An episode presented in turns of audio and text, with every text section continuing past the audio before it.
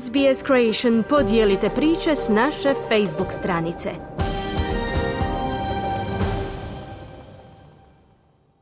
Slušate radio SBS na hrvatskom jeziku. Ja sam Mirna Primorac. Australska nacionalna znanstvena agencija CSIRO predstavila je novu robotsku kantu koja automatski razvrstava reciklažni materijal. Pametna kanta koristi umjetnu inteligenciju i infracrvenu tehnologiju za prosijavanje i kategorizaciju plastike, metala i stakla. Učenici državne škole Markville u Sidneju pridružili su se istraživačima CSIRO-a, Australske nacionalne znanstvene agencije, kako bi testirali novu robotsku kantu za recikliranje otpada. U kantu se isključivo ubacuju materijali koji se mogu reciklirati. Plastika, metal i staklo – i pomoću umjetne inteligencije i infracrvene tehnologije automatski odlaže u odgovarajući spremnik.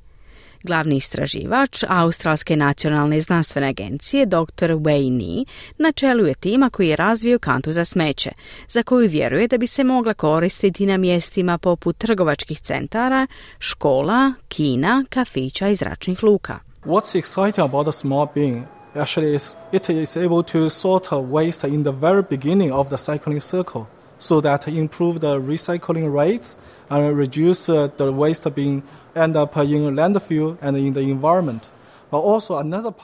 Ono što je uzbudljivo kod pametne kante je da može sortirati otpad od početne faze recikliranja, tako da poboljšava stope recikliranja i smanjuje otpad koji završava na odlagalištu i u okolišu.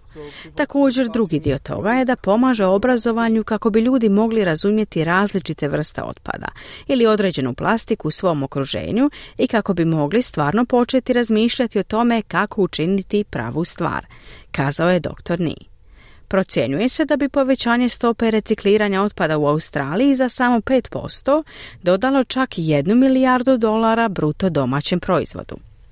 Izvršni direktor Australske nacionalne znanstvene agencije dr. Larry Marshall kaže da je kanta rezultat suradnje između znanstvene agencije i tehnološkog sveučilišta u Sidneju. That's all about fixing the waste problem so that instead of throwing it away, we give it a new life, we recycle it, we turn it into a new product.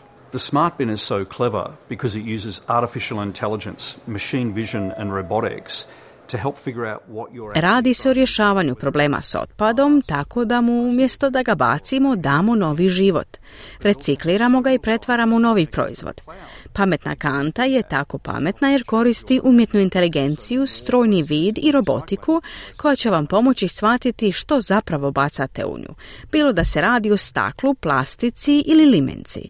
Ali također je društvena znanost povezana putem oblaka kako bi vam dala povratne informacije kako bi biste promijenili svoje ponašanje i kako bi se više otpada recikliralo, a manje odlazilo na odlagalište, kazao je dr. Marshall. Nadamo se da će pametna kanta pomoći Australskoj nacionalnoj znanstvenoj agenciji da brže postigne svoju misiju smanjenja plastičnog otpada za 80% tijekom sljedećeg desetljeća. Dr. Marshall kaže da je pravo vrijeme da se kanta za smeće predstavi tijekom Nacionalnog tjedna znanosti. Kao dio tjedna znanosti, Australska nacionalna znanstvena agencija je razvila planove lekcija za nastavnike i profesore usklađene s nastavnim planom i programom s predloženim razrednim aktivnostima oko stakla, plastike i kružnog gospodarstva. Dr. Marshall program obrazovanja studenata vidi ključnim za budućnost. Because if we don't catch these kids now, we'll lose them, and if we lose them, they won't be with us to invent the future that we all want these shared challenges like climate change. Djeca trebaju učiti ovomu sada, dok nije prekasno. Zajednički izazovi su pred nama. Izazovi poput klimatskih promjena, rješavanja problema plastičnog otpada i postizanje nulte stope stakleničkih emisija. Stoga je promatranje djece koje se bave pametnom kantom sjajan primjer njihove ljubavi i privlačnosti prema tehnologiji, ali i dublje zbog njihove ljubavi prema zaštiti Australije i zaštiti okoliša, dodaje dr. Marshall. Ostaje vidjeti kako nove generacije mogu doprinijeti znanosti i pružiti rješenja za bolju budućnost. Kliknite like, podijelite, pratite SBS Creation na Facebooku.